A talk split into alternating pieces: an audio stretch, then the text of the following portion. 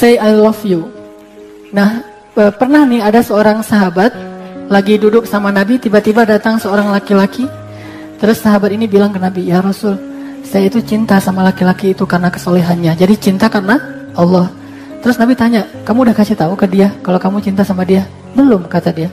Kata Rasul, kalau kamu mencintai seseorang, katakan kepada dia, anak uhibbuka fillah kalau kepada sesama laki-laki. Kalau kepada perempuan kan bukan anak uhibbuki fillah.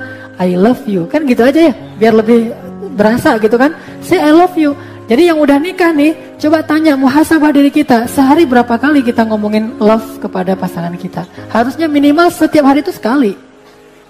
Dan alhamdulillah saya sampai hari setiap hari masih ngomongin love tapi dengan cara yang kreatif. Jangan cara yang sama. Kalau cara yang sama mah basi ya. Tiga kali udah nggak enak Coba yang kreatif, mikirin, oh hari ini saya pengen ngomongin love-nya itu, tiba-tiba pas dia keluar rumah di sendal tuh ada kalimat I love you misalnya gitu. di sendal gitu ya. Kalau atau pakai-pakai agak-agak bahasa gombal gitu kan, kamu tahu nggak paku apa yang paling dalam misalnya? Paku apa?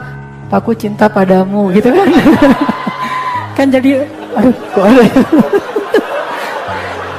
jadi berasa gitu kan, jadi say I love you itu yang sering gitu bilang I love you kepada yang bukan pasangan itu nggak berpahala, tapi bilang I love you kepada pasangan itu pahala. Dari sisi mana besar pahalanya? Satu, nyenengin hati orang yang beriman. Kata Nabi, sebaik-baik amal itu menyenangkan hati orang lain. Nah, menyenangkan hati orang lain, kalau istri itu luar biasa pahalanya. Jadi agak-agak kreatif, gombal-gombal dikit, tak apalah. Gombal warming, gak pernah gagal tuh. Tuh, eh barusan gempa ya? Enggak deh kayaknya. Ah masa? Iya enggak gempa jantung aku yang tahu, jantung aku tahu yang gempa gara-gara kamu. Nah kan, jadi gombal warming itu nggak pernah gagal menurut saya. Saya alhamdulillah beberapa kali gombal berhasil gitu. Selalu bisa buat ceweknya berbunga-bunga dan itu nyenangin hati dia dan bertambah cinta kita. Jadi gombal aja deh. Tapi gombalnya tuh yang tulus. Karena ada gombal yang benar-benar lebay, tapi ada gombal yang tulus. Kalau gombal yang tulus itu kita perhatiin dulu Kayak saya pas lagi jalan sama istri saya di toko buku. Saya duduk aja dari jauh perhatiin.